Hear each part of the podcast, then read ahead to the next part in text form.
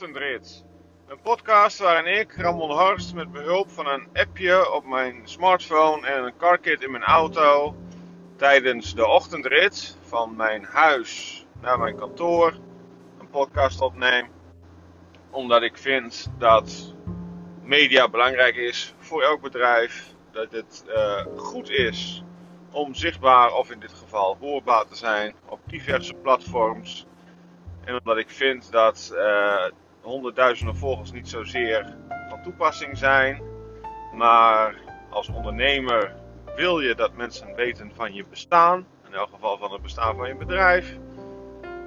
En daarom is het belangrijk om overal waar die mensen zouden kunnen uithangen, zouden kunnen zoeken, uh, je kunnen vinden. Eigenlijk bespreek ik gewoon wat mij bezighoudt, wat mij boeit. En vandaag is dat, het nieuws van gisteren, dat het Forum voor Democratie uit elkaar valt. Nou vind ik dat niet per se goed of slecht. Ik ben uh, niet erg politiek onderlegd. Sterker nog, de politiek interesseert me eigenlijk weinig. Ik vind dat we in Nederland een systeem hebben wat aardig in balans is met uh, diverse partijen, zowel op links als op rechts, die elkaar in evenwicht houden. Forum voor Democratie is rechts en dan uh, wat verder van het midden verwijderd dan de meeste partijen. En dat is prima, dat moet ook zijn plek hebben. Maar ik vind de reden waarom het uit elkaar valt bijzonder interessant. Ik heb uh, gisteren uh, de afscheidsbrief van Theo Hiddema geluisterd. Die werd voorgelezen door Kadisha Ariep. De, uh, Khadisha, Kadisha, een van die twee. De voorzitter van de Tweede Kamer. En uh, ik vind de woorden van Theo Hiddema mooi. Ik vind Theo Hiddema een, uh, een interessante man. Ook, maar met name voordat hij, bij, uh, voordat hij zich met de politiek ging bezighouden, zeg maar. En die woorden zoals hij ze gebruikt, nou, dat kan hij nog steeds. Dus dat triggerde mij. Toen ben ik eens gaan kijken van, goh, wat zou daar gebeurd zijn? Want ik volg de politiek niet. Simpelweg omdat het mijns inziens te vaak over futiliteiten gaat, om het zo maar te zeggen. Maar uh, ik denk dat, uh, dat er lessen getrokken kunnen worden uit het uiteenvallen van, het, uh, van die politieke partij. Hij bestaat natuurlijk nog, dat snap ik. En ze zijn niet in één keer van de kaart ge, geveegd. Maar goed, er is toch wel iets serieus aan de hand. En volgens mij hebben ze erg last van een cultuurprobleem. En er is een, uh, een jeugdafdeling van de Forum voor Democratie. En die uh, houdt er nog wat rechtsere ideeën op na uh, dan de partij zelf. En dan lonkt het al gauw naar extremisme. Nou vind ik dat niet het extremisme zelf is het niet. Tenminste, denk ik niet. Maar het schurkt er tegenaan, zeg maar. En er worden ook contacten onderhouden met figuren die een rol spelen in, de, uh, in wel de extreemrechtse wereld, zeg maar. Dat betekent dat natuurlijk niet dat, met, dat als je met iemand in gesprek bent, dat je dan automatisch ook uh, extreem rechts bent. Maar toch, uh, er zijn her en der wat uitspraken gedaan. En als politiek leider, of als bestuur van zo'n partij, zou je daar dan afstand van moeten nemen. Maar dat is wat er niet gebeurd is.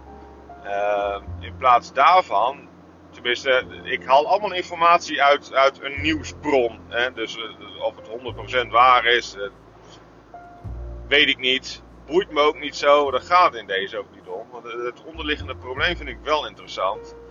Namelijk dat er een cultuurprobleem is. De, de, degene die fout zit eigenlijk wordt niet bestraft. Maar de klokkenluider wel. En dan bestraf je dus de verkeerde persoon. Ben ik sowieso niet een voorstander van bestraffen. Uh, tenzij je uh, de maatschappij schade berokkent of uh, je medemens zoiets. Uh, maar dat geeft wel aan, want kennelijk, als degene die fout zit ermee wegkomt, om het maar even simpel te houden, en degene die het aan de kaak stelt bestraft wordt, dan ben je verkeerd bezig. En dan krijg je dus een cultuurprobleem. Want dan is de grens onduidelijk. Elk mens, hoe extremistisch ook, er moet een grens zijn, die moet duidelijk zijn als je onderdeel wilt zijn van een geheel. En een geheel is in dit geval dan een politieke partij. En als die grens niet duidelijk is, dan blijft die opgezocht worden. Dan blijven mensen zoeken naar die grens. En dat, dat ken je een beetje uit de opvoeding van kinderen, eh, maar ook de opvoeding van honden bijvoorbeeld. Er moet een grens zijn, die moet duidelijk zijn voor alle partijen. En als die overschreden wordt, dan dienen de gevolgen daarvan ook duidelijk te zijn. Nou, dat was bij uh, het Forum voor Democratie dus niet het geval. Ja, en dan loopt het uit de hand. En dan loopt het zo ver uit de hand dat niemand het meer onder controle heeft, kennelijk. En dan is de reactie uh, de, de, het klassieke fight or flight. Nou, in dit geval is het dus flight geworden. Uh, en daar is op zich niks mis mee. Bedoel, soms kun je vechten tegen het bierkaai. Uh, soms is vechten goed, maar soms is het ook vrij zinloos. maar dat neemt niet weg dat kennelijk heeft het bestuur het zelf uit de hand laten lopen. En ditzelfde zie je ook, um, niet regelmatig, maar ditzelfde zie je ook wel eens terug in het bedrijfsleven. Waar, waarbij uh, cultuurbewaking, zeg maar, binnen een organisatie, als het niet op orde is, dan, uh, ja, dan wordt het relentless, om het zo maar te zeggen. Ja, de, de, de, de genadeloos. Dan wordt het echt het recht van de sterkste. En uh, vaak is het dan degene met de grootste bek. Die krijgt het meeste voor elkaar. En de rest voelt zich ongehoord, ongelukkig, uh, niet op zijn of haar plek. En, en dat, dat kan een bedrijf, een onderneming, ontzettend veel schade berokkenen. Zonder eigenlijk dat men dat doorheeft. En als die feeling, uh, en als een organisatie groter wordt, dan worden de lijntjes langer als vanzelf. En dan is de feeling van de top met de bottom, uh, die, uh, die vervaagt. Dat verdwijnt min of meer. Niet helemaal, er blijft, blijft altijd wel iets van aanwezig. Maar als die kloof te groot is, dan kun je die cultuur dus niet meer bewaken. Uh, en dan loop je echt een ontzettend groot risico. Dan, dan brengt de organisatie zichzelf ten onder eigenlijk. Vaak is dat doodzonde. Dus ik denk dat de les die je kunt trekken uit wat er bij die politieke partij gebeurd is, is dat je goed moet letten op je interne cultuur. Want als iedereen uh, gelooft in de organisatie waar ze voor werken uh, en zich ook echt onderdeel daarvan voelt, in plaats van een medewerker die vervangbaar is, aan de zijlijn staat en uh, verder geen enkele invloed heeft op de organisatie, op de strategie, op hoe het bedrijf geleid wordt, dat gaat mis. En dat gaat mis op het moment dat iemand opstaat en uit zichzelf zo'n plek claimt. Want dat zijn, daar zijn niet heel veel mensen van. De meeste mensen trekken niet graag de aandacht.